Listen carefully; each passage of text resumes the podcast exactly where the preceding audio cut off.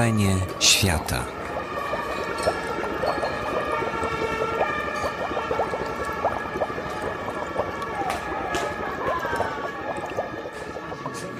Dobry wieczór Państwu. To chyba nie będziemy jakoś specjalnie długo zwlekać, czekać z rozpoczęciem tego spotkania, skoro Państwo byli łaskawi e, tak licznie przybyć na to nasze rondo z mrożkiem. Tytuł tego spotkania jest e, nieprzypadkowy, to wyjaśni się e, podczas tegoż spotkania. Natomiast e, e, głównym jego bohaterem będzie oczywiście Sławomir Mrożek, natomiast e, autorką książki, o której będziemy rozmawiać, Coś przerywa troszeczkę, ale to przerywa, czy ta bateryjka? Dobra, ja mówię dalej. Autorką książki, która stała się także pretekstem tego spotkania, jest Małgorzata Niemczyńska, to jest ta pani. Wielki mikrofonik i pozwolą Państwo, że usiądziemy i spróbujemy trochę o tej książce porozmawiać. Dobrze, ja po tej stronie, bo ja marznę, a boimy się, że zaraz ktoś będzie jeszcze wchodził przez te drzwi. I... Ja jestem trochę cieplejsza, to mogę się zbliżyć. Bo ona na południu mieszka, to dlatego. Bo przyjechałam z Krakowa. Że na rogu, dobra, absolutnie dobrze, okej. Zacznę od rzeczy nieprzyjemnej. Wiedziałam. Ta książka ukazała się w idealnym, y, z marketingowego punktu widzenia momencie, no ale też w momencie trochę fatalnym, bo to było bodaj dwa miesiące po śmierci Sławomira Mrożka. E, I powiem Ci szczerze, że jak ja zobaczyłam ją w księgarniach, jak zobaczyłam zapo- zapowiedzi, to się trochę zniesmaczyłam. Jaka jest historia tej książki? Jak Mrożek do Ciebie dotarł, czy też jak pojawił się w Twoim życiu? Kiedy zaczęłaś tę książkę pisać? No i dlaczego ona się ukazała w takim, a nie innym momencie? Znaczy to absolutnie nie był najlepszy moment z punktu market, z marketingowego punktu widzenia, bo najlepszy moment byłby e, gdyby, Tydzień, ona, tak? gdyby ona się ukazała w momencie, kiedy Sławomir Wiorzek dostaje Nagrodę Nobla. I absolutnie wtedy by, by była wielkim historią. Natomiast e, no i jest mi przykro tego słuchać, powiem szczerze, tego to, co mówisz. E, ta książka planowo miała się ukazać w maju.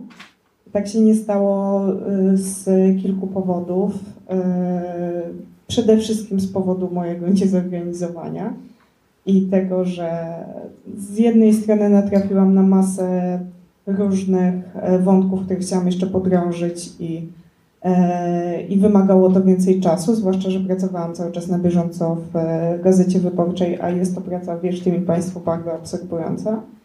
E, A również tak biorę to wszystko oczywiście na siebie, również dlatego, że miałam e, różne takie swoje e, opory i męki twórcze, które e, myślę, że wszystkie osoby piszące znają, a na pewno znają je też czytelnicy e, dziennika Sławomira Mrożka, któ- w którym to dzienniku niejednokrotnie nawet Sławomir Mrożek użala się właśnie na e, różne takie właśnie cierpienia związane z pisaniem. Więc skoro miał je, miał je nawet sam Rożek, to, to co dopiero jakaś tam niemczyńska. I rzeczywiście miewałam takie, takie chwile, które nazywam e, sama syn- syndromem Amazonki. E, chodzi oczywiście o tę Amazonkę z dżumy. Państwo na pewno pamiętają, że w dżumie Kamisa jest e, bohater, który nie może wyjść poza pierwsze zdanie swojej powieści, nieustannie je dopieszcza. I jest to zdanie, w którym... Dobry wieczór, zapraszamy. Witamy, W witamy. którym pojawia się właśnie smukła Amazonka jadąca na wspaniałej kaszta- kasztance, tam kwitnącymi e, alejami Lasku Bolońskiego. I e, to jest rzeczywiście coś, e, co znam z autopsji. Być może nie wybrnęłabym poza pierwsze zdanie, gdyby nie podpisana umowa i jednak ten, ten bicz redaktora, który nade tak. mną Mhm. nade mną wisiał, ale ja rzeczywiście też potrafię się przyczepić tak, no może nie do zdania, ale do akapitu i w nieskończoność poprawiać przymiotniki, e, właśnie szyk w zdaniu i tak dalej i nie móc ruszyć dalej. Nie móc ruszyć dalej. E, natomiast e, wykorzystuję w tej książce e, tekst e, pracowy i wywiady z Mrożkiem, z których pierwszy e, miał miejsce 6 lat temu. I e, jest to absolutnie praca no, długoterminowa i tak jak mówię, miała, miała, e, miała zostać sfinalizowana w maju.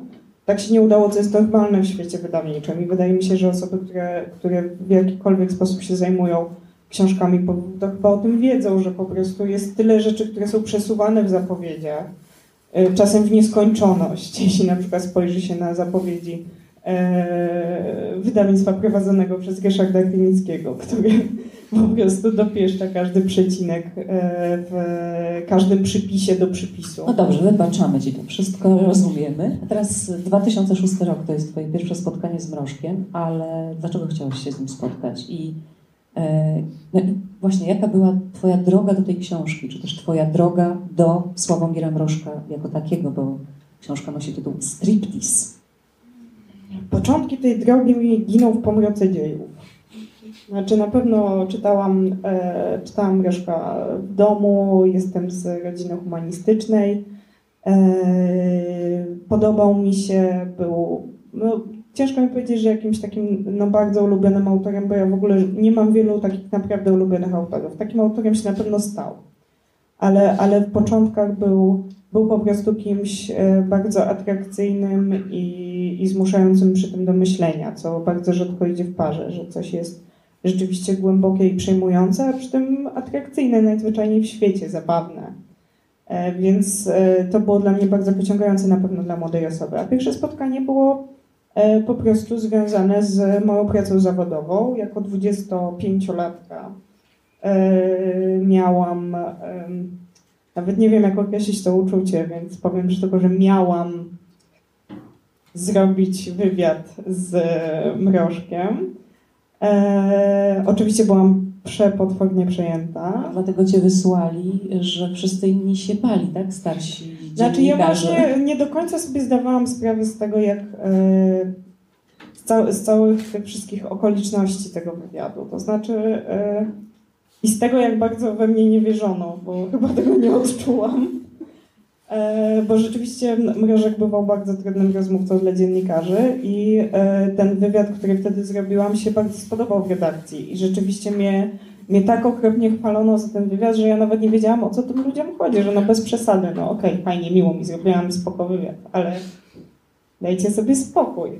I potem rzeczywiście już tak się stało, że kiedy było coś mrożkowego do zrobienia, no to to lądowało u mnie, więc ja siłą rzeczy poznawałam tego mrożka coraz lepiej, coraz więcej tekstów się zbierało na jego temat i e, coraz bardziej mnie fascynował. I rzeczywiście skończyło się to ostatecznie tym, że e, nieopatrznie wysłałam maila, który miał potem takie konsekwencje, które Państwo tu mogą zauważyć.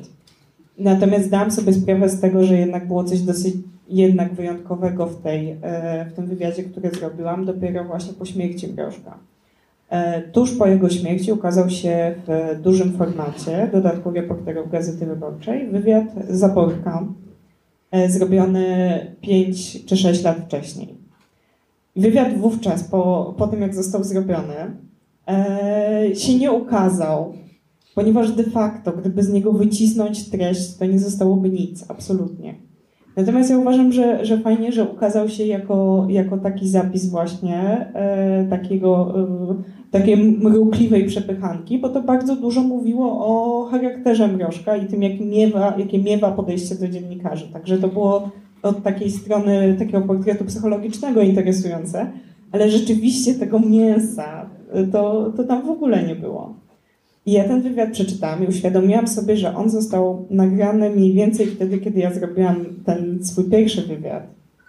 I to był właśnie taki moment, kiedy poczułam nagle, że mam 15 centymetrów więcej, 10 kilo mniej.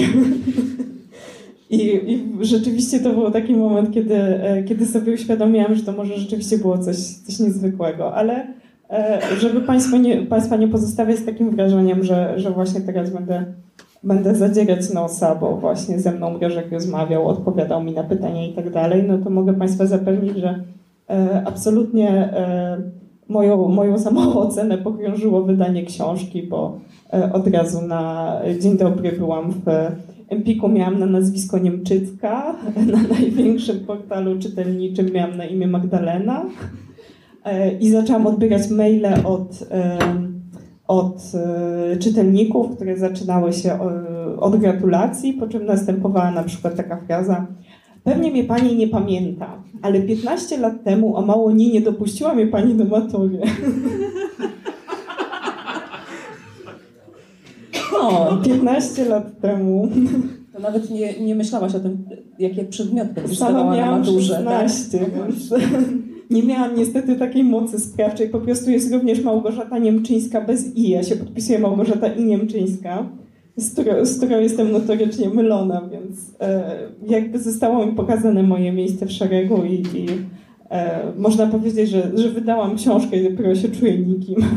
Oj, nie przesadzaj. Poza tym na nazwisko się pracuje całe lata, więc y, y, już to, że ktoś trochę popracował, no to twoje nazwisko. Dobrze, przepraszam. E, ten wywiad, o którym mówisz, on tutaj jest y, w tej książce. Jest tutaj też e, taka ostatnia część, e, która być może dla niektórych z Państwa będzie najbardziej interesująca, bo ja się mówiąc szczerze trochę też zastanawiam, kto sięga po tę, po tę książkę. E, jacy ludzie, to znaczy czy tacy, którzy chcą o mrożku czegoś się dowiedzieć, bo na przykład liczą na to, że ty tu ujawniasz jakieś nie wiadomo jakie intymności, no bo ten striptease w tytule troszkę nam to sugeruje, E, z drugiej strony, czy być może to są ludzie, którzy właśnie chcą zajrzeć do tej ostatniej części, mm, w której analizujesz e, IPN-owskie teczki e, mm, zebrane na temat mrożka w archiwum, czy, czy tacy, którzy no, w ogóle właściwie niczego nie wiedzą, a tylko tak jakoś, o ładnie wydana książka, ładne zdjęcia, to może dlatego. Jakie są te głosy, czy też jaki jest ten wyobrażony czytelnik? O, może to jest lepsze pytanie.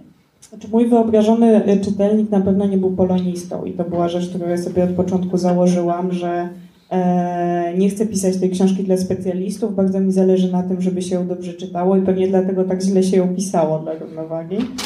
E, ale to jest, e, to jest cel, który chyba mi się udało osiągnąć, bo rzeczywiście najwięcej, e, najwięcej pochwał słyszę za to, że to jest że to jest fajna, przystępna opowieść, którą, którą się połyka de facto. Która otwiera też jednocześnie bardzo dużo rzeczy. Mhm. Więc mam nadzieję przede wszystkim, że ta, że ta książka nie robi takiego wrażenia takiej biografii przez duże B i tak dalej, bo w ogóle Też jest na nią inny, no właśnie, jest chyba nie miała być pomysł i nie miała absolutnie być e, taką właśnie poważną, sążnistą, wyczerpującą biografią. E, zależało mi na tym, żeby to była taka opowieść, story, która przede wszystkim powie, powie jak najwięcej o tym, e, o emocjach. Myślę, że to, było, że to było dla mnie najważniejsze, ale też było dla mnie fascynujące to, jak, jak życiorys Mrożka przecinał się z życiorysami innych wspaniałych osób, z których niektóre są na sali. I już im wyznałam dziś miłość, więc nazywanie ich wspaniałymi nie będzie wcale, wcale przesadą. E, ale, ale do, tego, do tego dojdziemy. E, natomiast dla mnie to było, to było tak uderzające i tak wspaniałe, że ta, że ta historia jego życia splata się z tyloma e, historiami innych wspaniałych osób, że ja uznałam, że zrobię po prostu taką opowieść, w której od czasu do czasu ci inni bohaterowie wysuwają się na plan pierwszy, bo niby dlaczego nie? Niby, no przecież nie żyjemy już w czasach poetyk normatywnych i, i, i prawda, pana Boileau, E, żeby książka, która jest, jest w jakimś sensie biograficzna, bo opowiada przede wszystkim o życiu bohatera, musiała się trzymać tych e, ścisłych ram, prawda? E, że bo wtedy powinna się zaczynać od zdania, że Sławomir Mrożek urodził się 29 czerwca 1930 roku w Bożęcinie. Kropka. Jego ojciec i tak dalej. Więc absolutnie nie jest taka opowieść.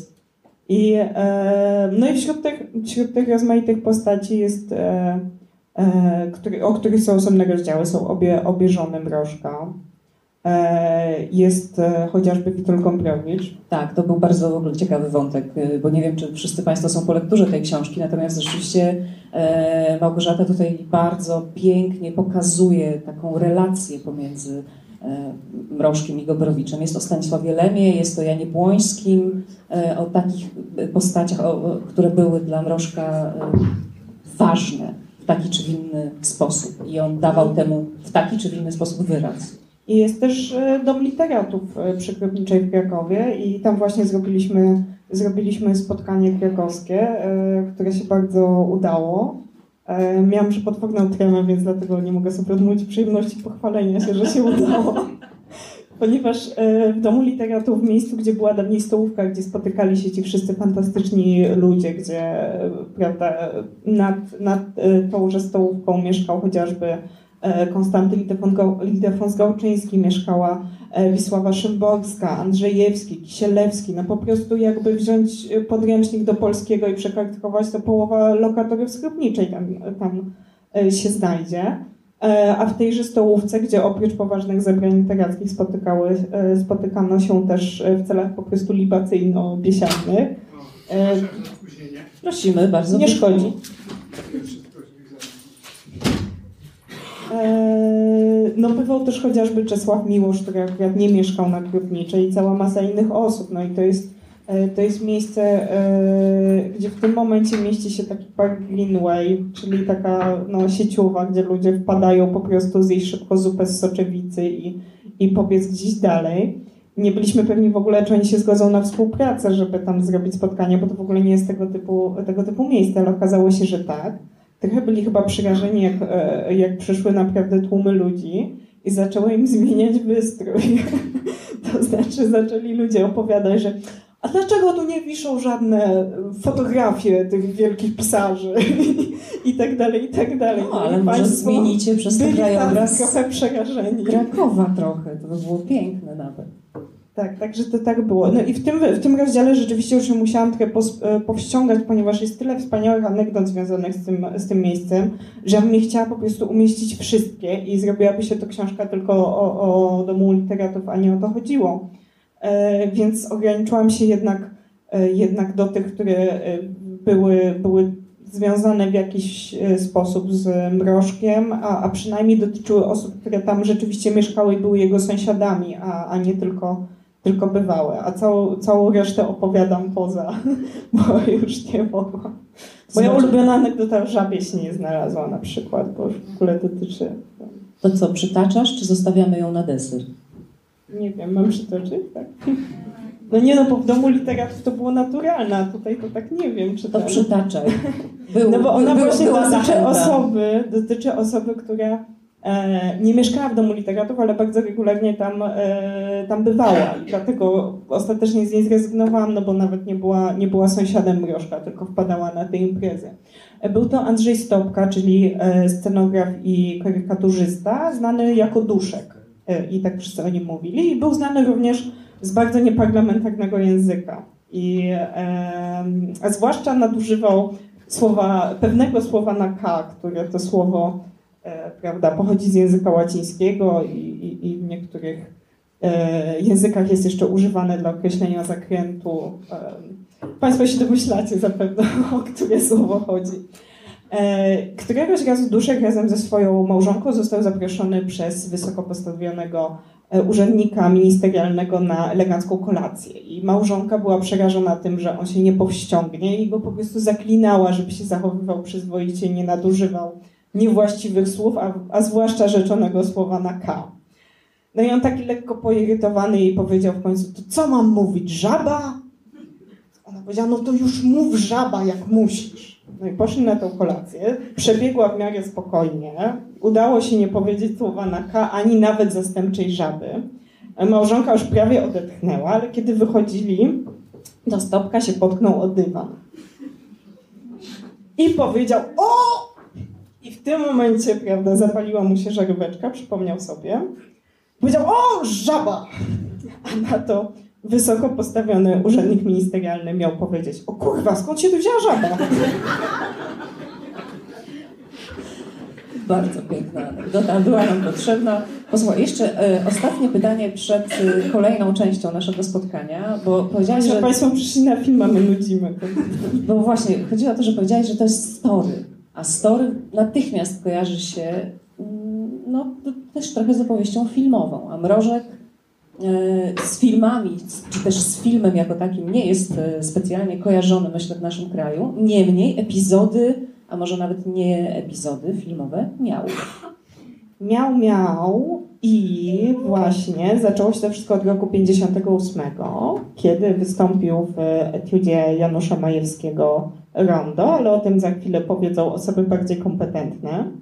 E, ale ten rok był również, e, był również rokiem filmu Kalosze Szczęścia, przy którym Mrożek jest podpisany jako autor dialogów i tekstu piosenki. On sam opowiadał o tym w ten sposób, że trafił do niego scenariusz po wielu przeróbkach i został poproszony o, o, o poprawienie tego scenariusza, żeby po prostu jakoś taki był bardziej spójny. E, I ten film ostatecznie został zrealizowany w 1958 roku, natomiast pomysł e, był dużo starszy i może to też przez to było, upłynęło trochę wody, scenariusz był przerabiany, właśnie udoskonalany, ulepszany i właśnie ostatecznie wylądował Mrożka, ponieważ e, ten scenariusz e, powstał tuż przed tym, jak uchwalono socrealizm jedynym słusznym i obowiązującym kierunkiem w sztuce. A film przewidywał między innymi pojawienie się prawdopodobnie pierwszego w polskiej kinematografii latającego spotka, więc rozumiecie Państwo, że tak z punktu widzenia socjalizmu nie do końca to pasowało i musiał poczekać po prostu na odwilż, żeby powstać. Film jest prześliczny i, i, i wart przypominania i, i ja cały czas apeluję do wszystkich, żeby do niego wracali, bo choć został wtedy przyjęty entuzjastycznie, to wydaje mi się, że obecnie już troszkę odchodzi w zapomnienie albo nawet już odszedł. E, jedna z osób, której poleciłam, obejrzała i się jej bardzo podobało, więc to może... Także powtarzam, kalosze szczęścia, szczęścia Antoni e, Bogdziewicz. Potem e, już na emigracji Mrożek miał przygody filmowe i one też odeszły w zapomnienie. I, i, i mam małą satysfakcję, że udało mi się te, e, te przygody przypomnieć w książce. E, zrealizował dwa filmy telewizyjne w Niemczech e, w latach 70.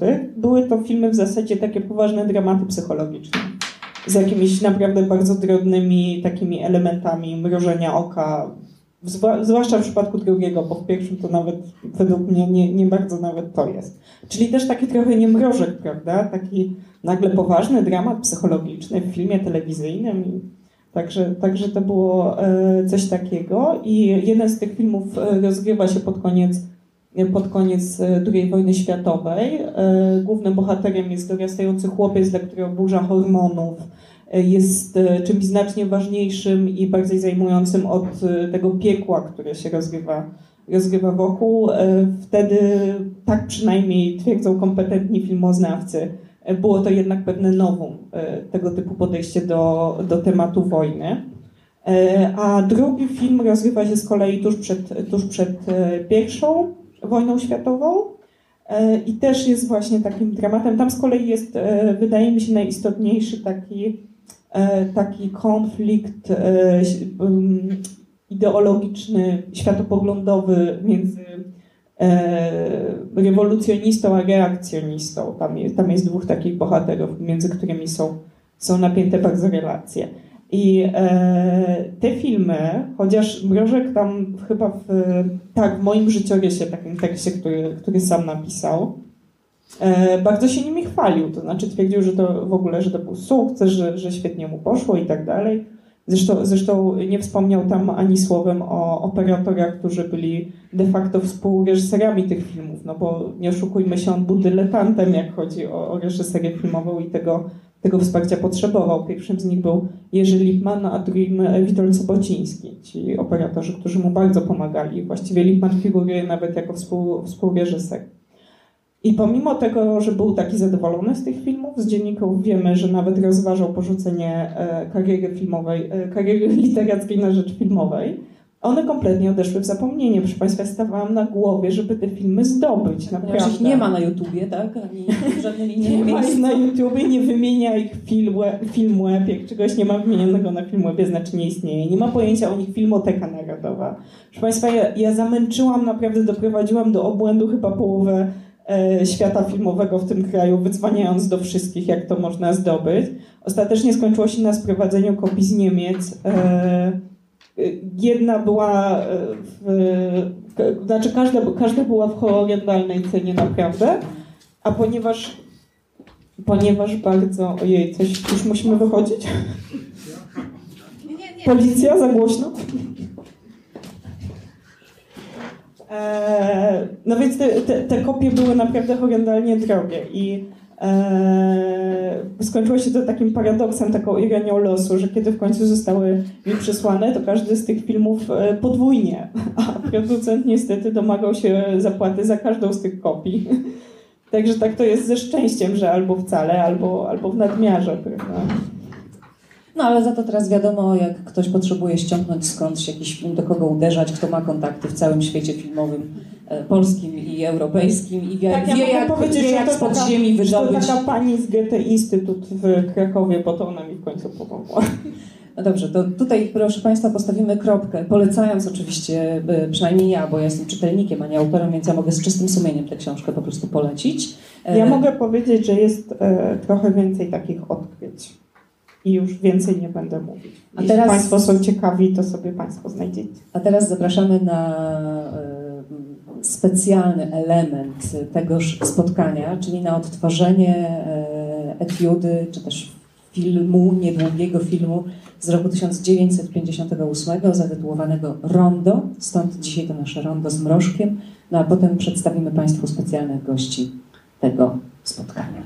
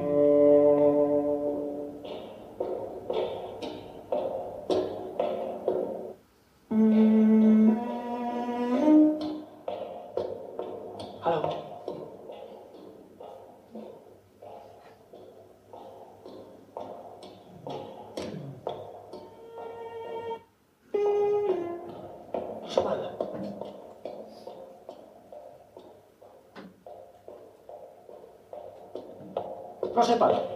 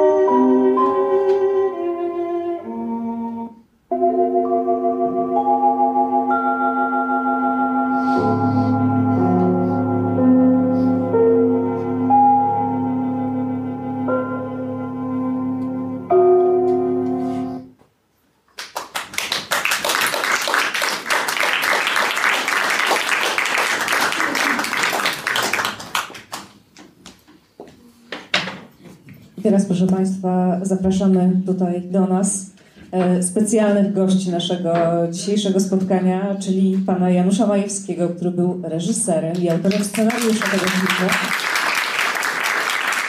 Pana Stefana Szlachtycza, który obok Sławomira Mrożka w tym filmie wystąpił. Witamy Panów i zapraszamy bardzo serdecznie. Małgosiu? Weźmiemy pana, panów dwa Tak, właśnie, panowie do środka, a my, a my y, dookoła was.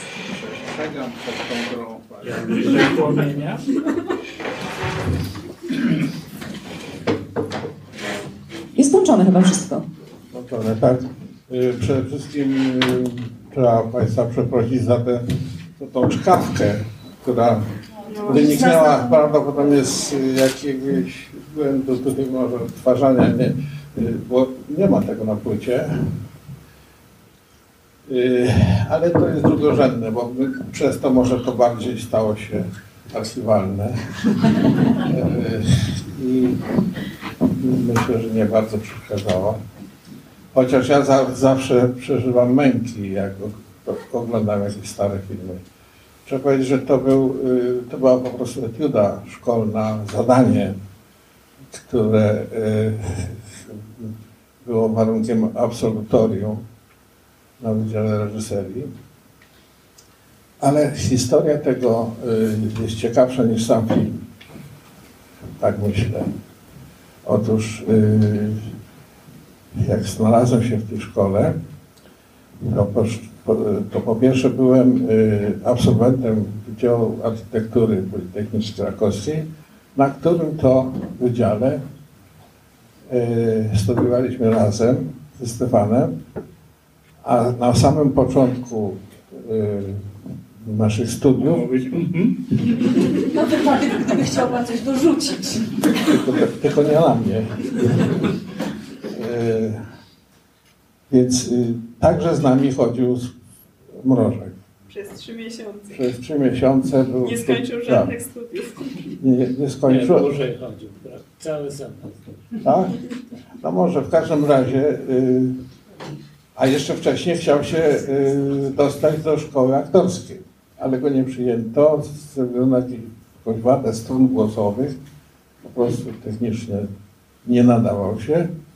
Wtedy poszedł na architekturę, a potem tą architekturę porzucił i chyba dobrze, bo nie sądzę, że byłby y, dzisiaj wieczór poświęcony architektowi Sławomirowi Mruszkowi. Nie wyobrażam sobie tych budowli, których nie, nie zaprojektował.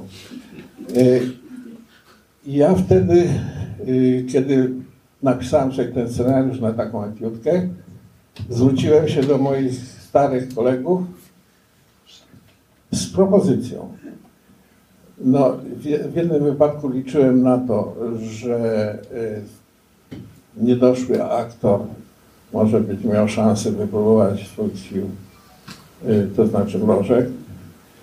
A także liczyłem na to, że ta historyjka go może y, pociągnie, bo coś z, z jego ducha niewątpliwie w tym jest, czy było. I wtedy go, y, i on rzeczywiście bardzo szybko się zgodził.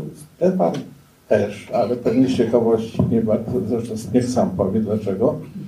A, y, no i oni przyjechali do, do Łodzi. Y, Zaczęliśmy te, zdjęcia y, o tym, jak doszło do, do nauki tańca, to opowie Stefan. Ja tylko jeszcze chciałbym y, powiedzieć, że ten film miał, miał bardzo poważne skutki dla, dla, nas, dla całej naszej trójki. Państwo mogą prze- przestać rozmawiać, jak starszy człowiek mówi? No ja jestem starszy, przepraszam. Dobrze. Y, y, otóż jakie to, o, co mam na myśli? Y, no ja skończyłem szkołę i ten y, film, y, dzięki temu, że zrobiłem ten film i potem następny jeszcze dyplomowy i tak dalej.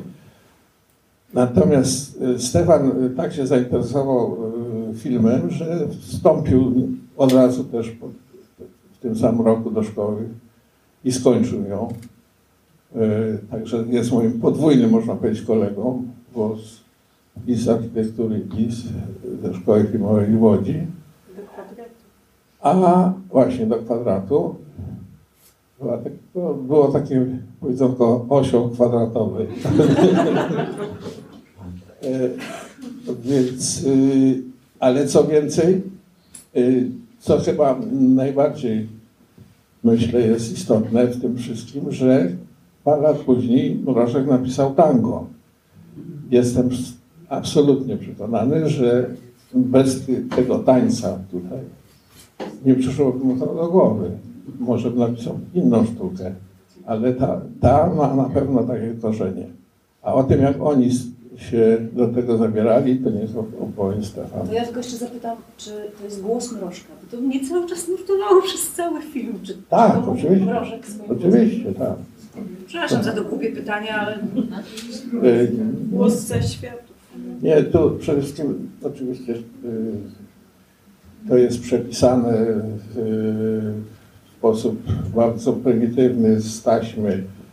Tam są już na taśmie z tej, w tej kopii są usterki, a, a potem jeszcze doszła to jakaś sprawa tego odtwarzania, te skoki, przerwy w muzyce, ale jeszcze, że jeszcze mam coś powiedzieć o samym filmie, to y, były to tak dobre czasy dla nas, studentów wówczas, że y, na przykład Kazimierz Sarocki, wybitny jednak kompozytor polski, napisał y, muzykę specjalnie do tego filmu. To, na to sobie mogliśmy jeszcze wówczas pozwolić. Mm, y, no i w ogóle jak na produkcję filmową, y, szkolną, to, to, to, to było z pewnym jednak jakimś rozmachem robione. Zrobione to była główna scena jest w sali malinowej, tak zwanej malinowej sali hotelu Grand w Łodzi, która była wtedy, ten hotel i ta, ta restauracja całkiem dostępna dla studenckich kieszeni, więc myśmy tam bywali po prostu. To takie były wtedy różnice społeczne. A jacy byli kelnerzy? Trenerzy byli fantastyczni, bo byli zawodowcy, byli to y, przeważnie starsi panowie. Ja dzisiaj, y, no, jak zobaczę gdzieś, że kelnerzy są właśnie w takim wieku, jak powinni, no to teraz nabieram zaufania i można lepiej mi smakują to potrawy, ale y, na przykład w Krakowie jest taka restauracja jedna pod Orłem, nie pod, y, tak, pod Orłem chyba. Y,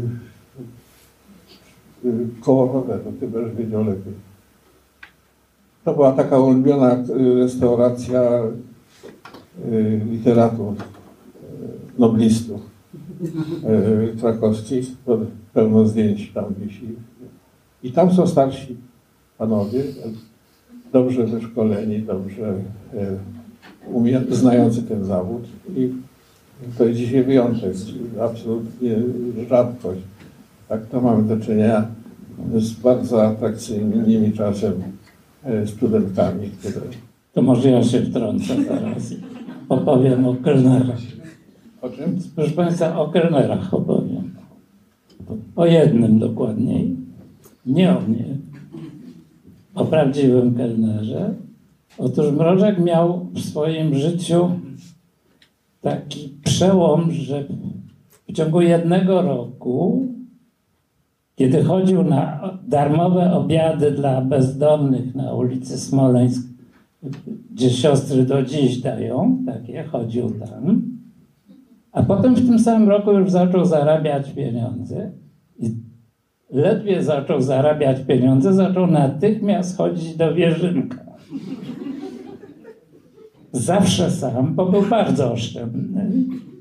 Nigdy nawet z dziewczynami, które uwodził, nigdy tam nie poszedł, tylko zawsze siadał sam w takiej wnęce z widokiem na kościół mariacki i zawsze celował, żeby go obsługiwał taki staruszek kelner. Rzeczywiście to był nestor kelnerów krakowskich, który miał żelazną opowieść o tym, jak obsługiwał cesarza Franciszka Józefa. bardzo on lubił tę opowieść i bardzo chętnie mu kelner każdorazowo tę opowieść serwował, wzbogacając o różne nowe szczególiki. Yy, No właśnie, teraz już pewnie głównie trzeba o, o mrożku. Yy, Ja yy, chciałem przy okazji yy, dorzucić parę faktów na temat tego jego udziału w, yy, w pisaniu scenariusza do Kaloszy Szczęścia. Otóż to powstało yy, z inicjatywy yy, profesora Antoniego Wojciewicza, naszego zresztą wspaniałego pedagoga, który y, miał wtedy, y, był pod wpływem tego, co robili Włosi, y, neorealiści włoscy, y, wprowadzili taki zwyczaj, czy y, taką metodę, że y, scenariusz pisało wielu autorów. I on, y, Bodziewicz zaprosił do Kazimierza nad Wisłą taki oto skład. Mrożek, Stanisław Grochowiak, Andrzej Szczepkowski, ja i to chyba wszystko. I tam mieliśmy wymyśl- siedzieć i pisać ten scenariusz, zresztą na motywach baśni Andersena. E, więc to nie jest tak, żeśmy wymyślali, raczej uspołecznialiśmy tą, tą baśń. To moim zdaniem y, szło nam jak po grudzie, ponieważ wówczas była bardzo popularna y, Barack Palinka, węgierski trunek, no Barack Palinka. Węgierski trunek, bardzo smaczna nalewka na morela, y, wytrawna, bardzo dobra. I myśmy tak gdzieś już około 12, bo przed 12 dżentelmen nie pije, a bo gdzieś był dżentelmenem naprawdę prawdziwym. I yy, no już koło czwartej nasza wena artystyczna się wyczerpywała, ale pamiętam z tego okresu jeden ut, jego utwór, Mrożka, który kiedyś nam zaprezentował, powiedział, bo jak Państwo wiedzą, Kazimierzu jest taki zakręt znany y, Wisły, prawda? I on napisał taki wierszyk. Tam, gdzie Wisły zakręt okazały, po obu stronach rzeki stały dwa ogromne wały. I to, to zapamiętałem z tej współpracy artystycznej tamtego czasu. To, to może ja opowiem o tym, jak Mrożek zaczął być architektem i jak przestał. Ja, y, ja twierdzę, Janusz, że to jest nieprawda, że on zdawał do szkoły aktorskiej. Z całą pewnością On się nie. sam od tego odżegnywał, także nie, nie wiem. Słucham? E, Znaczy on dwukrotnie się wypowiedział na ten temat i twierdził, że to jest plotka, Że tak? ale że nie, że nie zdawał. Nie, ale nie no- zdawał, oczywiście, że nie. E, Natomiast Zwłaszcza, twierdził, że, że- bo on się bardzo przyjaźnił z aktorem Leszkiem Herdegenem wtedy i że bywał e, po prostu często na uczelni, bo były bardzo ładne studenty. To raz, a dwa, że się przyjaźnił z Herdegenem wtedy i Właśnie odwiedzał, go tam odwiedzał. który tak, też tak, był tak, z naszej klasy zresztą. I ja wtedy się z nim nie rozstawałem przed egzaminem wstępnym, bo ćwiczyliśmy y, rysunek odręczny. I żeby było zabawniej, to wiedzieliśmy, że trzeba będzie rysować rzeźbę, figurę ludzką. Więc chodziliśmy do kościoła świętego Piotra i Pawła i tam siedzieliśmy w bocznych nawach, bo tam stoją figury świętych, nie te na zewnątrz, które stoją od ulicy Grodzkiej, bo na zewnątrz, no to by nas oglądali ludzie. On był, zwłaszcza on był szczególnie nieśmiały. Więc rysowaliśmy tam w bocznych nawach, gdzie było zupełnie pusto i w tym kościele spędzaliśmy ogromną ilość czasu. No teraz mam więcej spędzam. Y, I po 10 latach mniej więcej znajomości, ale to ścisłej, bo byliśmy w jednej klasie, w jednej szkole, w jednej drużynie harcerskiej, no a potem na tych studiach na architekturze nagle się okazało, że ja jestem od niego starszy o 48 godzin. Bo ja się urodziłem 1 lipca, a on jak, a on jak pani wie 29. I wtedy on wymyślił dla oszczędności, żebyśmy wspólnie obchodzili urodziny 30. Ale to tylko raz się stało, bo później zarzucił mi, że popełniłem ścis... okropne błędy w rozliczeniu i już nie, nie powtarzaliśmy już tego. A mm, z architekturą to było tak, że mieliśmy mm, przede wszystkim y, ja akurat opisałem te jego juwenilia i swoje też, głównie swoje. E, I jeżeli Państwo macie ochotę, to prawdopodobnie w świątecznym numerze Gazety Wyborczej pod tytułem Hipek ukaże się ten mój tekst, gdzie Państwo to przeczytają dokładniej to, o czym opowiada.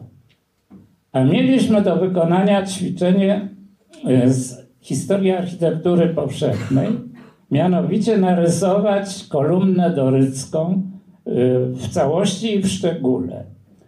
Kolumna dorycka ma to do siebie, że ten słup kolumny jest lekko wygięty beczkowato i tę krzywiznę wyznacza specjalny matematyczny wzorzec. Po to, żeby narysować tak zwane kanelury, bo kolumna jest, ma takie y, wne, takie podłużne prążki i żeby narysować krzywiznę tego, jeden musiał trzymać wygiętą przykładnicę, a drugi kreślić grafitem tę krzywiznę.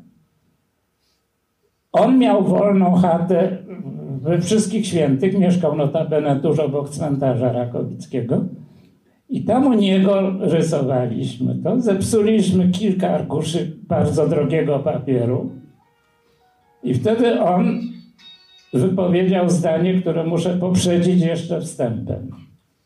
Wtedy była bardzo modna wełna, firma produkująca wełnę, która się nazywała Trójkąt w kole. I on tak amatorsko wymyślił dla tej firmy taki slogan reklamowy, bo ja wolę trójkąt w kole, jest to wełna zalet pełna, inne wełny ja i wtedy, kiedy z tą wtedy, kiedy z tą kolumną nam nie wychodziło, to on tak nagle przerwał to i powiedział tak, wiesz co, ja chyba wolę trójkąt w kole, zaś architekturę. I, I rzeczywiście wtedy... A czy pan wie, że on jeszcze w latach 90. wspominał te, e, to rysowanie kolumn? Tak? Kiedy mieszkał w Meksyku, przyjechał do niego Józef Opalski i nagrywał z nim wywiad Rzekę, który niestety nigdy się nie ukazał, bo panowie się po, pokłócili.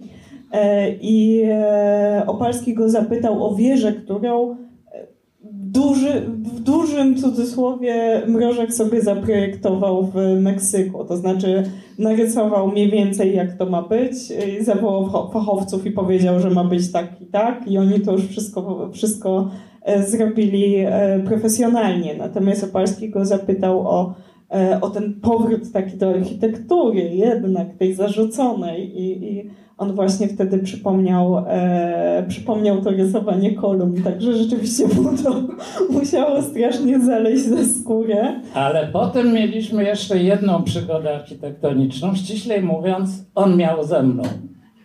Mianowicie mieliśmy taki przedmiot, który się nazywał geometria wykreślna i perspektywa, który polegał na tym, że na dwuwymiarowej kartce papieru należało trójwymiar narysować według pewnych zasad, które istnieją geometrycznie. Kiedy on oznajmił, że nagle przyszedł do nas na, na wydział, bo często nas odwiedzał, przyszedł i oświadczył, wiesz co, wcale mnie nie skreślili z listy studentów, ale tu pokazał, co, co oczekuje ciało pedagogiczne, które na niego czeka. I ja kiedyś przystąpiłem do egzaminu, do kolokwium z tej nieszczęsnej geometrii wykreślnej i nie potrafiłem rozwiązać kompletnie tego zadania, które mieliśmy.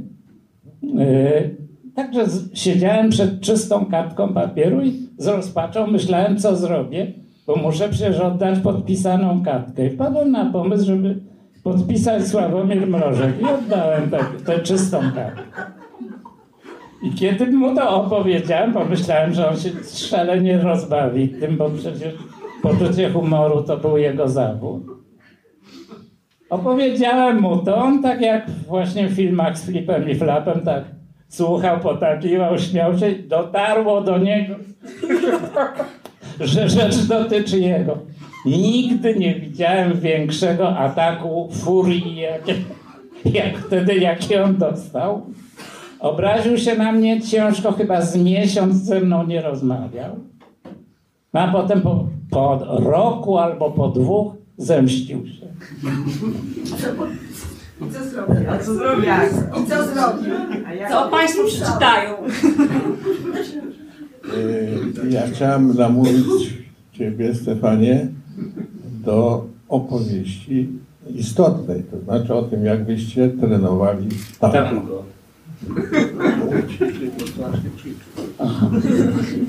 Myślałem, że to, jest, to może za blisko. Trzymam ten. Nie, nie, nie, dobrze, tylko mów ciszej. Przepraszam, to jest reżyseria, zawód, który zostaje na całe życie. I nie byłem nigdy jego asystentem. Zawsze byłem samodzielny.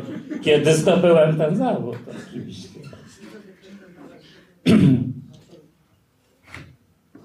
W naszej klasie był jeszcze jeden, bo w naszej klasie było w ogóle dużo takich mm, postaci, które później zaistniały w historii. Jednym z naszych kolegów był Artur Wieczysty, syn słynnego profesora, nauczyciela tańca, profesora Wieczystego, którego można pamiętać z zaczarowanej dorożki. I oczywiście, kiedy zaistniał ten problem, że mamy zatańczyć tango, Artur nas zaprowadził do ojca i ojciec bardzo chętnie nam udzielił lekcji na ulicy Kościuszki. Miał tę szkołę, poszliśmy tam. I tam nam poka pokazał, jak się tańczy tango, co zresztą byśmy tutaj odrobiny zaprezentowali, bo tango ma inny rytm niż tańczy się u nas na parkietach, tańczy się krokiem slow foxa, a tango się tańczy w innym rytmie. Ja miałem jeszcze to utrudnienie, że musiałem tańczyć jako kobieta, a on nie był specjalnie ruchowo sprawny. Natomiast ja miałem w domu magnetofon, jeden z pierwszych magnetofonów w Krakowie, enerdowski magnetofon Szmarak, wagi 20 kilka kilogramów. I przy tym magnetofonie myśmy przez około dwa tygodnie ćwiczyli tango. Mieliśmy siebie już absolutnie dość, bo musieliśmy się obściskiwać, a nie mamy najmniejszych skłonności. Musieliśmy się przytulać, wpatrywać sobie w twarze, pociliśmy się, trzymaliśmy się przez chusteczkę. Mieliśmy spocone ręce i byliśmy właściwie wściekli obydwaj na siebie. I to tango zresztą nie wyszło, bo to, to, to tango miało być takim namiętnym tańcem, takim troszeczkę jak yy, pół żartem, pół serio. To miało być coś takiego. Oni też później to zrobili. No oni też później, to prawda. Natomiast Billy Wilder chodził do naszej szkoły. I to tango wywarło na nim widocznie takie wrażenie, że on później, kiedy znalazł się w Chiavari, napisał właśnie sztukę. No, to już koniec przydługiej opowieści. Rozważał różne tytuły tej sztuki, to można znaleźć, Słucham? w, mówię, że rozważał różne tytuły tej sztuki, można znaleźć taki fragment właśnie w dzienniku, kiedy jest e, cały taki gęsty akapit różnych tytułów branych pod uwagę dla tej sztuki, no bo tango pojawia się tam właściwie dwukrotnie, to znaczy raz jest mowa o tym, jak e, przy rozmowie z Tomila i Eleonory, a potem jest ten finał właśnie dwóch mężczyzn tańczących tango, no i tutaj jak najbardziej ukłon do panów, tak. I to, że, że e, stało się właśnie, e, właśnie jednak e, tytułem, to myślę, że też jest właśnie warte podkreślenia w kontekście tego filmu. A ja chciałam jeszcze zapytać, znaczy może taka mała dygresja, bo jak Pan opowiadał o tym, o tych rozliczeniach, to mnie się z kolei przypomniały e, O, właśnie postawił historię. kiedykolwiek cokolwiek? No, dobre pytanie. To powiem panu, Bo nie znam wypadku. powiem, powiem panu w kuluarach. Może rachunek zostawił. E, Bo właśnie z czasów e, jego mieszkania w domu literatów są takie opowieści o tym, znaczy przede wszystkim jest ta historia o tym, że się zamykał tam e, w swoim pokoiku, bo bardzo mu zależało na karierze. To był, był też ten moment, że się z tego włóczęgi nagle stał wielkim panem pisarzem i się za, z tym zachłysnął i, i bardzo mu zależało na tym, żeby ta kariera się rozwijała. No i tam są właśnie takie opowieści o tym, że, że się za, zamykał na całe dnie, siedział na, nad pracą, e, nie palił w piecu, bo było mu szkoda na to czasu, bo to przecież głupstwa, zaklejał papierem okna, żeby ciepło nie uciekało, żeby mu nikt nie To przeszkadzał. jest, to jest kolejna legenda. Palił. No ja właśnie tutaj jeszcze chciałam, e, chciałam do tego dojść, bo, e, ale to momencik. E, w każdym razie takie, takie, historie, takie historie krążą i też krąży taka historia o tym, że nie wychodził z tego pokoju również dlatego, że dzielił to mikroskopijne mieszkanko ze Stanisławem Czyczem i że miał obsesję, że Czycz, Czycz chce od niego pożyczać pieniądze. I jest też właśnie taka historia o tym, która wykazuje właśnie niekonsekwencje w tej historii, że podobno nie palił w piecu, bo jest też taki element tej legendy, O gazetach. że e, to o gazetach pan zaraz opowie, że któregoś razu dał się zaskoczyć w piwnicy przy węglu. No właśnie, jakby nie palił w piecu, to po co by schodził po ten węgiel do piwnicy, więc tutaj wychodzi na jaw całe, e, całe koloryzowanie tej opowieści. E, nie wiedząc, kto nadchodzi bojąc się, że to Czycz po prostu zgasił świecę i padł za, za kopę. Ale, e, bo ja chciałam, e, znaczy e, o, o, o, o gazetach bardzo chętnie, ale jeszcze chciałam pana Janusza Majewskiego poprosić o e, kilka słów o tym słynnym e, rowie wykopanym na planie ronda. To może pan Janusz opowie. To ja wymyśliłem. Nie, ale chodzi o to, że to nie dotyczy nawet Bożka ani ciebie, tylko trzecią osobę, Wiktora Wiktora Leszczyńskiego. Naszego kolegę już nieżyjącego. Y, Potem bardzo y, znanego i wspaniałego reżysera, autora na przykład Żyłotu Mateusza. On był y, operatorem tego filmu. I, y, a przyszedł na, na studia po Politechnice Warszawskiej. Warszawskiej i gdzie skończył Wydział Realizacji Dźwięku. Właśnie nie realizacji. Wydział chyba po prostu Akustyki. Akusty, akustyki, tak. I miał bardzo inżynierski umysł, y, miał stosunkowo mało, był mało oczytany, miał kompleks tego, że jest takim właśnie inżynierem, nawet miał taką ksywę inżynier y, i cierpiał z tego powodu, że, że jest jakby trochę y, źle przygotowany do tego zawodu. Jak oni wykopali ten z nudów zresztą, ten dół taki jak Tak, bo to gra w filmie, przepraszam, Cisza. głównie polega na tym, że się yy, czeka.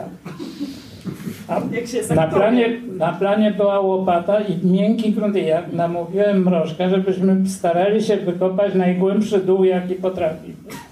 I z nudów myśmy kopali, czekając na ujęcia. No i teraz tak, jest dół, oni dwaj wykopali dół. Mnie to rozśmieszyło po prostu, bo jest to jest absurdalny pomysł, zrealizowany z kosztem dużych wysiłków jednak, bo to przecież nie byli e, co nigdy w życiu pewnie nie kopali nic, niczego. Ja, tutaj ja się zaśmiałem z tego powodu, a Witek Leszczyński podejrzliwie się na, o, i cały i y, zrozumiał, że ten dół coś wyraża, że to jest tylko, że on jest, on tego nie rozumie, to jest jakaś tajemna wiedza, że myśmy że my porozumiewamy się jakimś kodem kulturowym, który, do którego on się jeszcze nie, nie, nie dorosnął, nie dorosnął. I Niedorósł, przepraszam. I y, to jest historia tego y, dołu, natomiast jeszcze chciałbym, jak już trzymam ten mikrofon, y, powiedzieć, że, że to był tak dziwny facet, ten nasz koleżka, o którym dzisiaj raczej wesołe rzeczy opowiadałem, ale y, ta, o tak zmiennej psychice. Ja wiem, że potem może ona była y, naruszona chorobami różnymi, ale jeszcze kiedy był absolutnie zdrowy, przynajmniej tak wyglądało, y, to y, pamiętam tak, taką sytuację. Jak on wy- wyemigrował, znaczy nie wrócił z, tego, z tej podróży, a pojechał i zamieszkał z inną, y, z innymi naszymi y, znajomymi, naszym kolegą też z architektury jego żoną y, we Włoszech. Tam no, najpierw u nich osiadł, a potem zaczął samodzielnie jakoś. Utrzymywał ze mną dosyć ożywioną korespondencję, tylko że ja nie miałem świadomości, że to może być kiedyś jakiś materiał do publikacji. Większość te, te listy chyba gdzieś już nie istnieją. Ale y, potem nastąpiła długa przerwa. W ogóle się nie odzywał, nie odpowiadał na żadne listy, nic. Po czym myślałem, że coś go uraziło, nie, nie wiedziałem o co chodzi.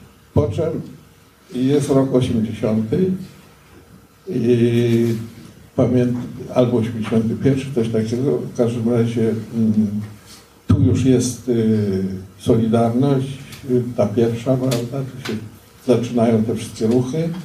On jest wtedy w Paryżu i jest jakiś mm, przegląd, jakiś pokaz polskich filmów we Francji, y, na prowincji, chyba w Tours, jeżeli pamiętam, kilka. W każdym razie po tym przeglądzie znalazłem się w Paryżu. I postanowiłem y, jeszcze trochę zostać. Nie wrócić ze wszystkimi, tylko jeszcze parę dni chciałem tam zostać. I wtedy mrożek, ku mojemu zdziwieniu, po pierwsze pojawił się za kierownicą samochodu. To było dla mnie szokiem, bo, ale wsiadłem do tego samochodu. On miał był bardzo zapalonym automobilem. No właśnie, Był- ale przedtem, okres, przedtem tak. w ogóle nie było mowy, żeby twierdził, się w życiu nie nauczy i tak dalej. Więc tak, woził mnie po Paryżu, zaprosił na kolację, odwiózł mnie na lotnisko, po prostu inny człowiek. Serdeczny, otwarty, wesoły, dowcipny zawsze był, ale w tym, w tym przypadku chodziło o taką właśnie towarzyski. Po czym y, gdzieś w połowie lat 80. przyjechał do Polski y, na chwilę, odwiedził nas w naszym domu na Żoliborzu. W dalszym ciągu był taki zmieniony. A kiedy wrócił do, y, kiedy z kolei y, wrócił po już po tym Meksyku, był, był taki jego jubileusz w Krakowie. Ja tam pojechałem, żeby zobaczyć to nagle ze zdumieniem patrzę, że on zachowuje się jak jakiś, no właśnie jak ktoś, kto uwierzył, że jest, jest już pomnikiem. Że chodzi o żywy pomnik, otoczony ochroniarzami, co, co zresztą nie było prawdopodobnie jego życzeniem, ale, ale rzeczywiście miał taką obstawę. Nie, oni w ogóle nie chcą mnie do niego dopuścić. Z- Tak się przywitaliśmy przez kordon jakiś i koniec.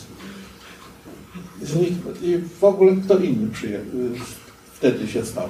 Kim innym się stał. A potem znowu po jakimś czasie, jak już osiadł z, z małżonką w Krakowie i czekał na swoje mieszkanie, y, myśmy wtedy z mieszkali na Mazurach i mieliśmy duży dom. Ja mu zaproponowałem, żeby przyjechał do nas, y, przeczekał ten okres, żeby będzie miał dobre warunki i tak dalej to nawet nie raczył odpisać.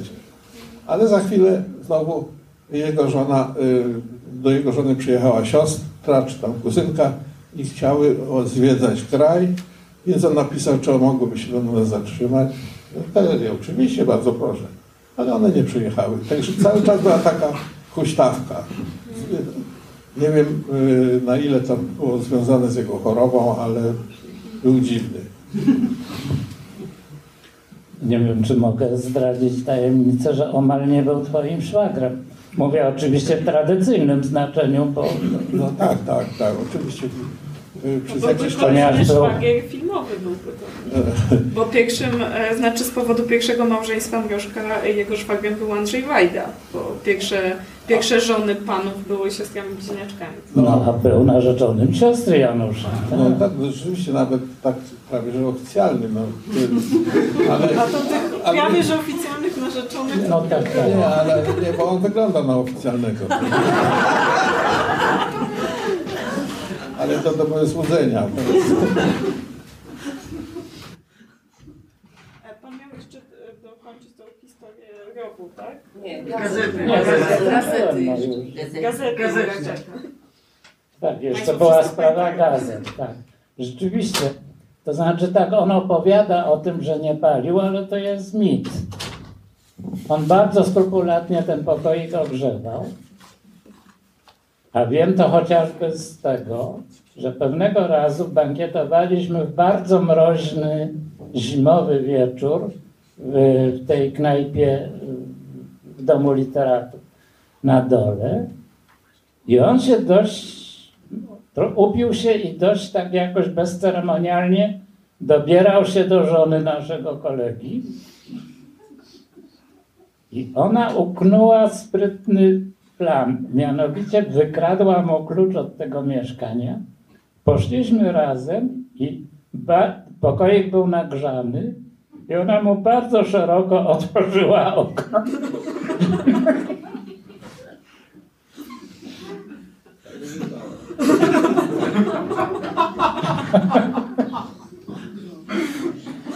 A, a z gazetami historia była taka, że on kupował wszystkie czasopisma kulturalne wychodzące w Polsce, to nawet takie bydgoskie pisma.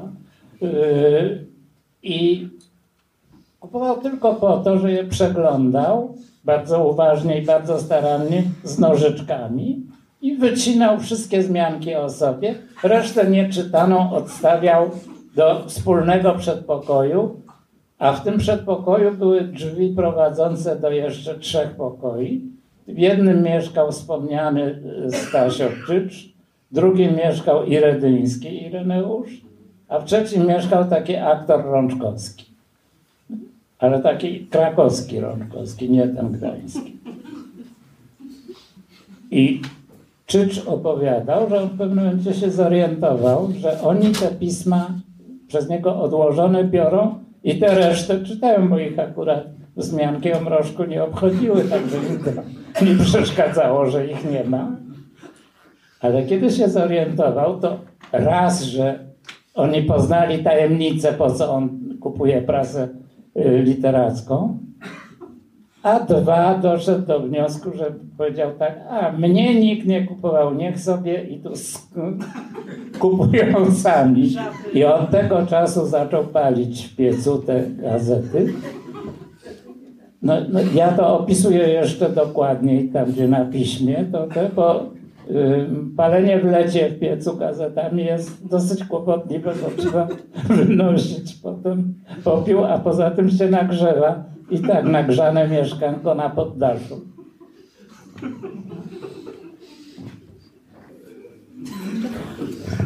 No, moglibyśmy pewnie długo opowiadać o różnych takich, wspom- wspomnieniach snuć tutaj z tamtych lat. Yy, Tylko, że cały czas trzeba sobie przypominać, że on jednak biedak tam leży w tym kościele, o którym wspomniałeś dzisiaj, w którym rysowaliście kolumny czy postacie. Ja od tego czasu jestem codziennie o dzień starszy od niego. No tak, ale zaraz. A on I był lustro starszy, 48 lat. On był starszy. on był starszy o On był starszy. 48. Tak. E, A, y, a te jego wiersze, wierszyki takie, to, to powstawały tak y, na poczekaniu, bo na przykład był, był taki czas, że myśmy chcieli się wyróżniać od y, tego, co, w co się można było wówczas ubrać i zapanowała między nami, tak, mówię o takiej grupie kolegów, moda na szturcowe spodnie. Do dzisiaj zresztą się je nosi. E, e, więc przy- chodziliśmy do takiego sklepu y, w rynku głównym w Krakowie, gdzie z materiałami dopytywaliśmy się, czy już przywieźli sztruks, czy jeszcze nie ma tego sztruksu. Przeważnie nie było. I kiedyś właśnie rozczarowani wychodzimy z, z nim y, z tego sklepu i on mówi, trudno głową o mur tłuc, będzie gówno, a nie sztruks. A poza tym nikt z Państwa nie wie, nie zdaje sobie sprawy, że on jest autorem, a przy mnie to wymyślił. Powiedzenia, które weszło już w taki obieg, że, że już autora nikt nawet by nie wpadł na pomysł szukać. Puścić pawia. To właśnie on wymyślił. I nawet do tego dołożył jeszcze taki aforyzm, że paw raz puszczony na wolność nie wraca nigdy.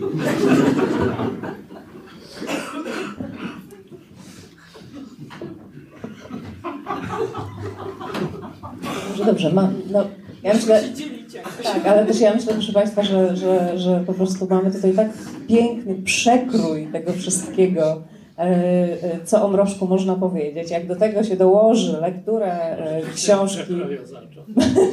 Przekroju zaczął, jak mówi pan Stefan.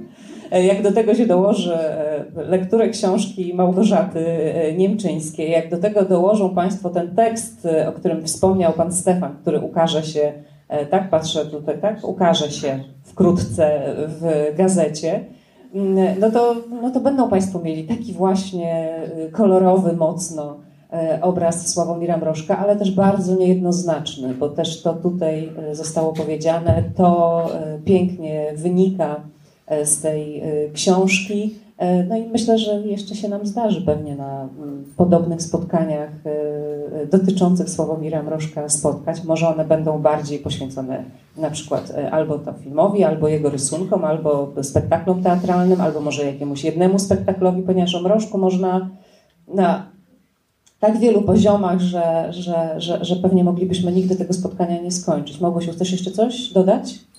No ja chciałam przede wszystkim bardzo Panom podziękować, że zgodzili się dzisiaj przyjść i bardzo naprawdę się z tego cieszę. Bardzo się cieszę z tego powodu i chciałam też powiedzieć, że na sali jest redaktor tej książki. Jemu też chciałam oficjalnie podziękować. Jan Cywiński tam, tam siedzi, sprawdził absolutnie, absolutnie każdy mój e, przecinek i każdą cyferkę i literkę w tej książce jest niezastąpiony. I chciałam też podziękować Jannie Batorskiej, która się e, bardzo włożyła całe serce w tego spotkania i, i, i właściwie dzięki niej tu dziś jesteśmy, a siedzi z kolei tutaj.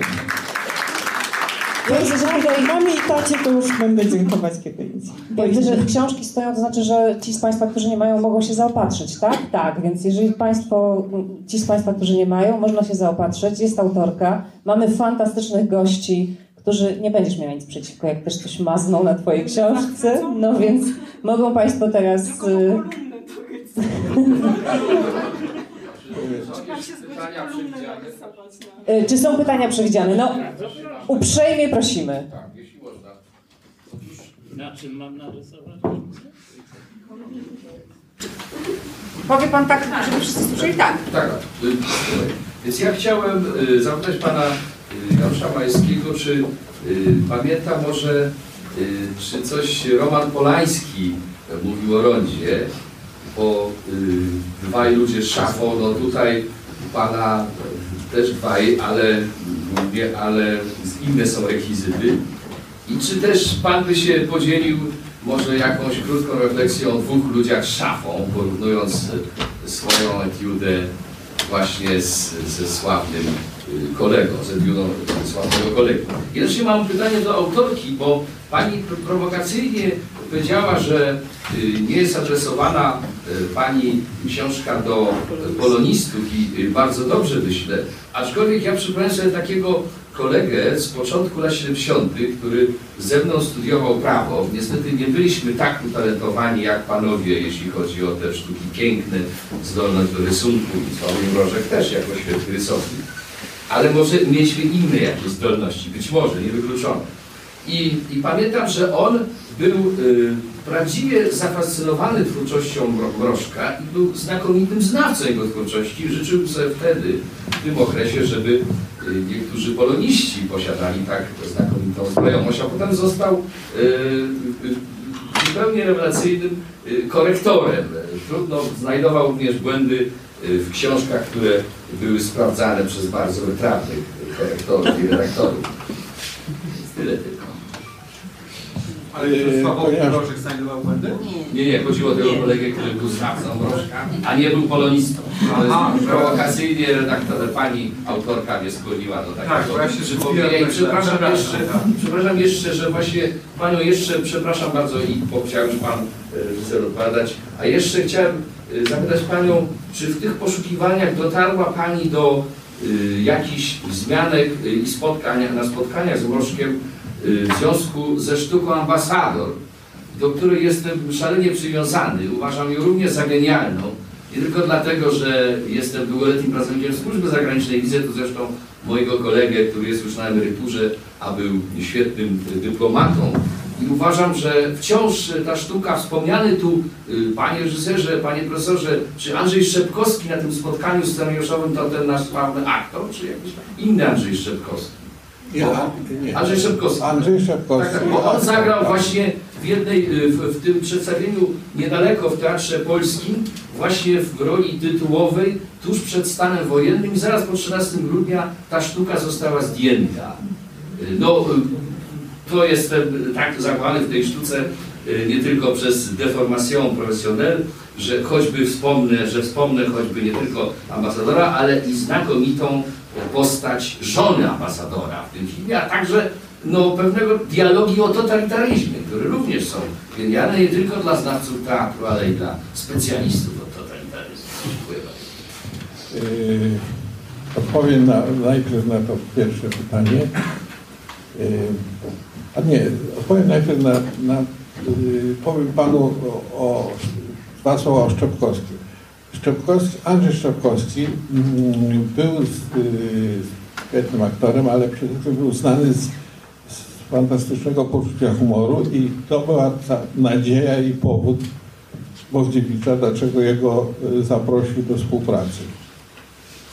Andrzej Szepkowski miał taki rodzaj y, dowcipu y, sytuacyjnego, natychmiast reagował, natychmiast y, y, na, na, na poczekaniu wy, wymyślał jakąś, y, jakąś myśl, y, formułował na temat sytuacji.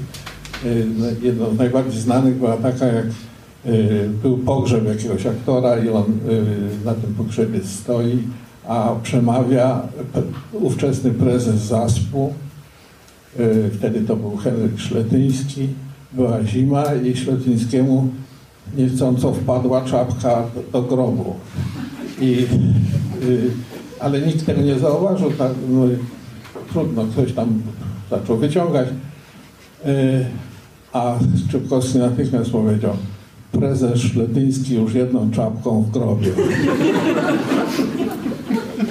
Więc y, to był powód, dla którego Szczepkowski znalazł się w tym gronie.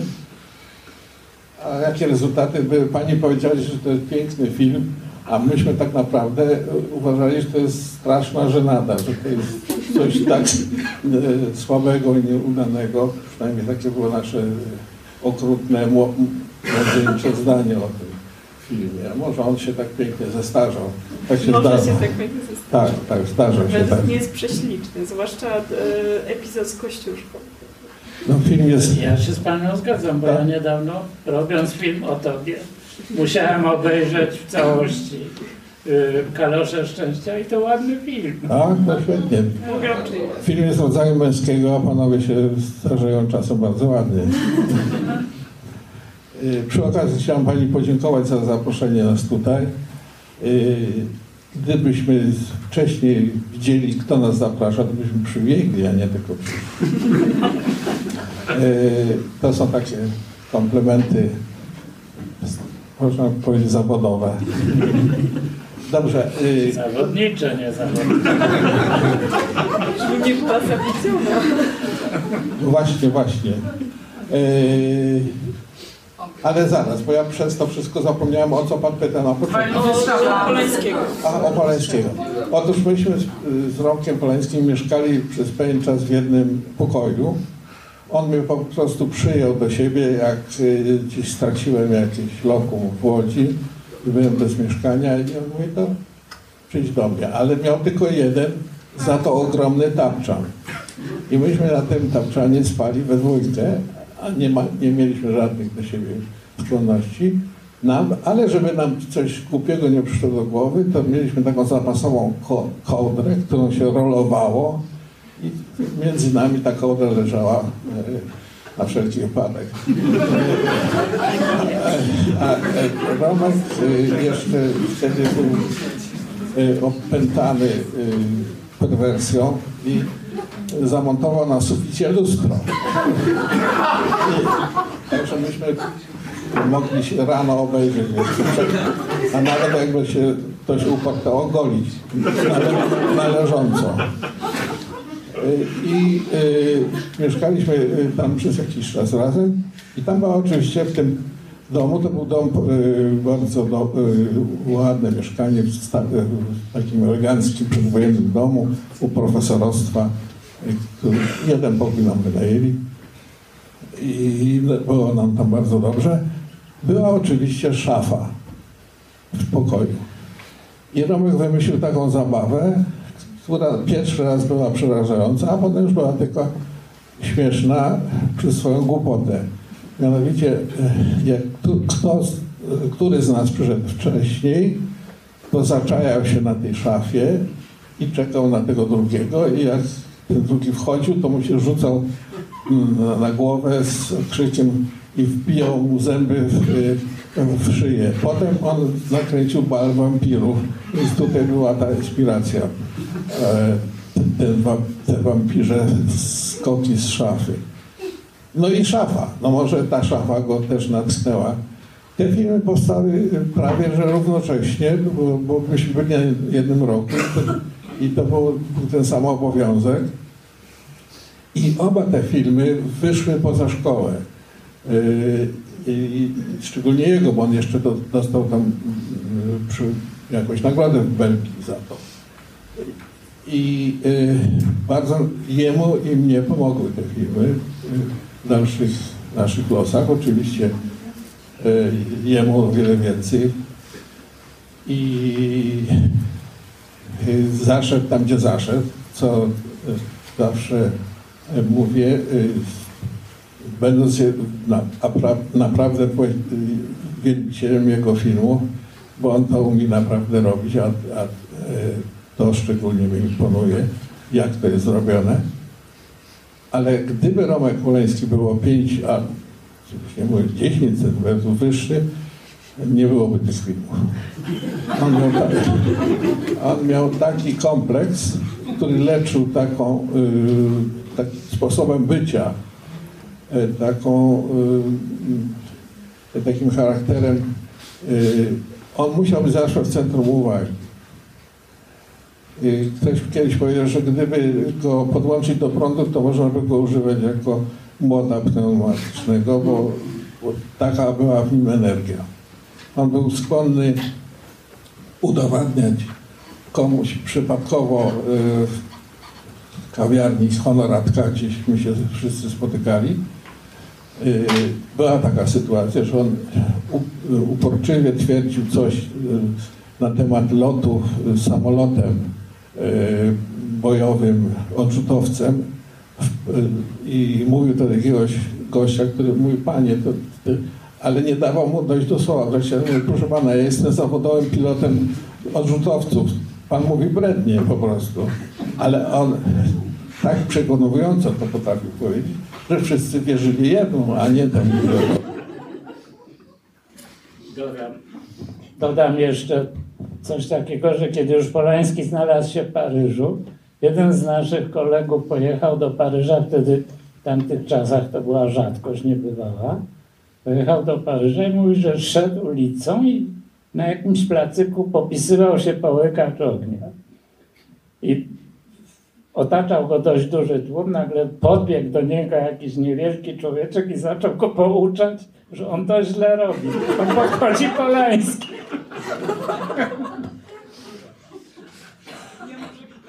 tym ambasadorze? Krótko odpowiem e, o ambasadorze, poza tym, że moja e, książka nie jest w zamieszczeniu dla polonistów, nie jest również dla teatrologów. I e, ja rzeczywiście wspominam o ambasadorze, piszę o tym, że e, znaczy trochę się usprawiedliwiam teraz, dlaczego nie drążyłam tego tematu, bo to nie było po prostu głównym obiektem moich zainteresowań. Wspominam o tym, że ambasador e, odniósł, jak sam to napisał Mrożek w dzienniku, klęskę w Niemczech początkowo, potem się e, sam podjął reżyserii tej sztuki. To jest oczywiście bardzo wyjątkowe, bo, bo e, no, nie, nie, nie, nie ma zbyt wielu przypadków, kiedy kiedy sam reżyserował swoje sztuki, ale mogę powiedzieć, e, że absolutnie rozumiem Pana wielkie zafascynowanie tą sztuką, ponieważ ja, e, ja je podzielam i przede wszystkim e, wzrusza mnie ogromnie postać samego ambasadora z tym swoim uporem pomimo, wszystkie, pomimo wszystkiego. I wręcz mam taki pomysł na tekst właśnie może bardziej już polonistyczny, w związku z tym nie, nie napisałam tego w tej książce, dopatruje się pewnych e, w tej postaci takich tropów. E, właściwie to by się nie spodobało Mreszkowi, co teraz powiem. Egzystencjalistycznych, to znaczy egzystencjalizmu rozumianego w duchu Żana Paula Sartre, zwłaszcza jeśli chodzi o jego opowiadanie Mur i to, jak, jakich decyzji podejmuje główny bohater właśnie tego opowiadania. A dlaczego by się to nie spodobało Mreszkowi? No bo on się bardzo wyzłośliwiał na egzystencjalistów. Kiedy on się sprowadził do Paryża już po tych kilku latach e, emigracji, e, którą zaczął od Chiavari.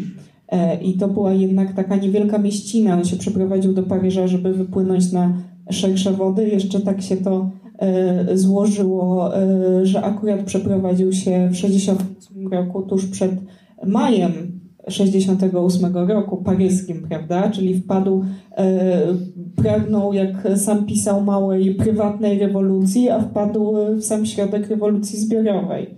E, ale e, jak chodzi o tych egzystencjalistów, wtedy oni w dalszym ciągu byli bardzo modni. A Mrożek zawsze był taką osobą, która jednak miała w sobie coś takiego przekornego, prawda? I na przykład e, pisał w listach o tym, że kiedy jest w Stanach Zjednoczonych, obserwuje u siebie skłonności rasistowskie. Dlaczego? Ponieważ w Stanach Zjednoczonych w kółko mu wszyscy mówią, że czarnych trzeba szczególnie kochać. A kiedy jest we Francji, w ogóle go to nie obchodzi. Natomiast kiedy jest tam i, i, i czuje ten nacisk, to e, po prostu ma w sobie bunt i, e, i jakiś taki, jakąś taką przekorę. I myślę, że było też bardzo dużo tej przekory właśnie w tym, że egzystencjaliści w dalszym ciągu byli modni, byli na topie i, i on właśnie jako ten człowiek jednak, w którym się cały czas gotowało to głębowisko ambicji, e, widział, to, widział to na bieżąco, a tak naprawdę jak się przyjrzeć niektórym e, elementom jego twórczości, no to, no to było troszkę po drodze. Ja właśnie myślę, że w ambasadorze coś takiego jest. Oj, miałam krótko odpowiedzieć i zaczęłam mówić nawet o paryskim maju. Proszę Państwa, czy ktoś jeszcze ma jakieś pytania? Można też oczywiście podejść. Aha, proszę, przepraszam. No właśnie. Jeśli chodzi, bo teraz to jest bardzo ciekawe, jeśli chodzi o opinię taką wśród Was, szczególnie wśród kolegów, jaką miał Mrożek, bo mówiliście, że chodził na obiady z bezdomnymi, że jednak tak z wyczucia Pana było, że jednak jeśli chodzi o kobiety, to czy, czy on był taką osobowością, która nie do końca była szanowana? Nie, nie powiedziałabym tak. Z tym, e, z tym chodzeniem e, to było na obiady z bezdomnymi to była konieczność. On po prostu był, był bardzo biedny. Był taki, był taki moment, zanim właśnie się stał nagle wielkim panem pisarzem, e, dzięki rekomendacji Adama Włodka napisał debiutancki reportaż w, z budowy Nowej Huty i, i od razu jakby awansował do takiej elity. Był taki moment, kiedy zmarła jego matka, jego ojciec niespecjalnie się nim interesował. On y, nie żył w ogóle z nim zbyt dobrze, więc wyprowadził się z domu, żeby po prostu jakoś tak czuć się bardziej swobodnym, no ale po prostu nie miał się z czego, z czego utrzymywać. Gdzieś tam spał na przykład na strychu u, u Herdegenów, to znaczy u, u, u rodziny Leszka Herdegena i tak dalej. Także to była raczej konieczność. A wydaje mi się, że raczej był osobą, jeśli chodzi o jego charakter, y, taką właśnie budzącą wręcz pewien przestrach taki. Bardzo dużo osób... Ja mógłbym prosić o odpowiedź kolegów jeszcze, jeśli jest to możliwe, bo pani go nie zna osobiście. Czy jest pytanie? Do mnie jest pytanie? Tak, tak, tak. Czy on miał respekt? W ogóle czy miał w środowisku sza- czy był szanowany? Czy był szanowany? Czy był Czy, raczej, czy zwracano się do niego per pan, czy raczej jako kolegę, przyjacielu, czy raczej... No był, on był, tego nie zrobił? on budził już samą postawą szacunek, a poza tym głównie milczał, więc osoby, które mało mówią, zawsze budzą szacunek, bo wydaje się, że mają bardzo dużo do powiedzenia. On rzeczywiście miał, ale on to przekazywał na piśmie. Trudno sobie wyobrazić, żeby koledzy, z, y, którzy się poznali To przed maturą, przed, przed karierą. Jaki on był przed karierą? normalnym facetem, którym, z którym żartowaliśmy, którym się y, tra- traktowaliśmy go tak, jak każdy z nas siebie traktował. Nie było żadnej bariery między nami wówczas.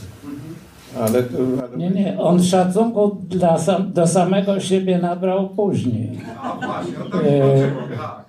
Wtedy, kiedy zresztą zakochał się w sobie też, bo on już później pogrążał się w tym uczuciu coraz bardziej i właściwie już niczego nie widział poza swoim odbiciem i, i tym błogim y, uczuciem do właśnie tego, którego oglądał w lustrze. I to już tak właściwie mu później zostało. Ja miałem z nim osobliwe sp- m, spotkanie, raz w życiu ostatnie, po mniej więcej 20 latach niewidzenia chyba. To było na dworcu głównym w Krakowie. Ja wsiadałem do takiego zupełnie pustego właściwie pociągu do Warszawy. I y, nagle otoczyło mnie pięciu facetów, takich ogromnych facetów, którzy zaczęli robić sztuczny tłok. A ponieważ ja od razu się zorientowałem o co chodzi, mam portfel, noszę na łańcuchu, to mogę udowodnić. I wtedy złapałem się za portfel i mówię do tych facetów: Trzymam portfel, panowie, trzymam portfel. I ich to tak rozbawiło, że wybuchnęli śmiechem i mi, zostawili mnie w spokoju. I w tym momencie ja się orientuję, że z najbliższej odległości obserwuję to mrożek. Ten, ten z wąsami, pierwszy raz go wtedy widziałem z wąsami w tym małym kapeluszku. Yy, I przygląda się temu, nie wita się ze mną, tylko mówi tak, wiesz, właśnie patrzyłem, czy, bo byłem ciekaw, czy ciebie obrobią, bo mnie ci sami faceci przed tygodniem dokładnie obrobili. I ja mu wtedy usiłowałem opowiedzieć, że właśnie jak się to zakończyło, to moje z nimi spotkanie, ale on już nie słuchał, bo jemu przy nim nie wolno było opowiadać dowcipu. Zresztą podobnie jak przy Polańskim. Z tym, że Polański, kiedy ktoś opowiedział przy nim dowcip, który rozbawił towarzystwo, tak jakby tu państwa, to zaraz dostał po mordzie. A, a Mrożek się obrażał i wychodził. Łagodniejszy charakter jednak. Tylko jeszcze jedno pytanie. Czy rzeczywiście on miał duży konflikt z ojcem? To jest bardzo ważne. Czy miał konflikt z ojcem, ale to rozumiem, że to panów jest. Proszę Państwa, on w ogóle nic nie opowiadał o swojej rodzinie. On miał jeszcze siostrę i on miał jeszcze te, ten kłopotliwy problem, że y, kiedy umarła matka, to on się musiał zajmować młodszą siostrą, która była kilka lat młodsza, więc była dzieckiem i on praktycznie musiał ją wychowywać, a jego ojciec był dosyć mocnym, mm, no, no trzeba to nazwać po imieniu alkoholikiem. I, i, i on y, musiał utrzymywać, dlatego w tym domu Przybywał niechętnie, bo ojciec na ogół wracał późno. Ojciec był listonoszem. Jedną tylko opowieść o ojcu raz zaserwował, bo nigdy nie opowiadał, nigdy nie dawał się wciągnąć w żadne rozmowy na tematy rodzinne, ale tylko raz opowiedział, że, bo sam zaczął łysieć i już miał kompleks i wtedy opowiedział, jak to jego ojciec, namówiony przez y, jakieś sąsiadki, puścił się na kurację, która się źle skończyła.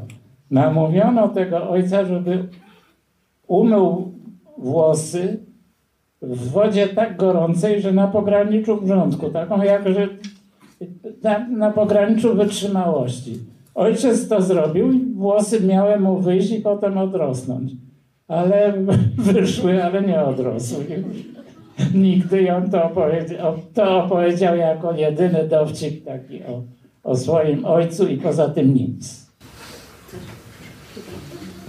A dodam, że bardzo lubił opowiadać o takich y, różnych przypadkach, które mu się y, na co dzień zdarzały. Kiedyś y, pamiętam taką opowieść, że wracał do domu na Krupniczą gdzieś tam z rynku przez planty i tam jakaś bójka się toczyła. Kilka sekund między sobą się biło i on, on to minął i przeszedł do tego, kiedyś znalazł już na początku Krupniczej koło Teatru Skala. Stał tam jakiś strażnik nocny. Właściwie po drugiej stronie pewnie, bo tam był sklep wtedy. I ten strażnik tak wyciągając szyję, on to wszystko grał. Pokazywał jak to było. Wyciągał szyję i mówił, panie, panie, co tam się dzieje, co tam się dzieje na tych plantach? Co? Powiedz pan coś. Pan mówi, no nic, biją się. Cholera, mówi, że ja nie mogę odejść, bo muszę tu stać. Panie, jak ja biję, jak ja biję. I może grał tego, wielokrotnie to opowiadał różnym, różnym ludziom. Bardzo lubi powiedzieć. Albo jak jechał y, tramwajem, on zapuścił wtedy brodę. Do mikrofonu. Zapuścił wtedy brodę, i, y, a wtedy mało kto nosił brodę. I jechał tramwajem i tam jacyś faceci stali i tak się śmiali z niego, podśmiewali i y, robili miny i tak dalej i on to zauważył. Ale nic y, nie, nie wdał w żadne rozmowy z nim, tylko powiedział z satysfakcją, a jeden z nich miał wąsy. No dobrze, proszę Państwa, e, kończymy to nasze spotkanie, oficjalną w każdym razie jego część. E, Polecam Państwu książki, polecam Państwu autorkę, która jest do dyspozycji, polecam naszych specjalnych gości, pana Janusza Majewskiego, pana Stefana Szlachtycza. Pięknie Panom dziękujemy. Małgorzata Niemczyńska, autorka książki Mrażek Stripis Legotyka.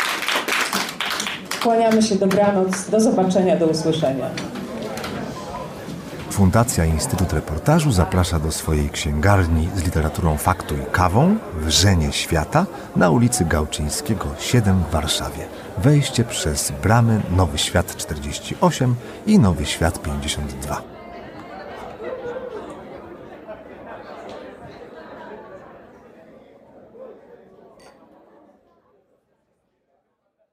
Zapraszam do słuchania pozostałych podcastów Wikiradia. Można znaleźć je na stronie podcasty.info ukośnik Wikiradio.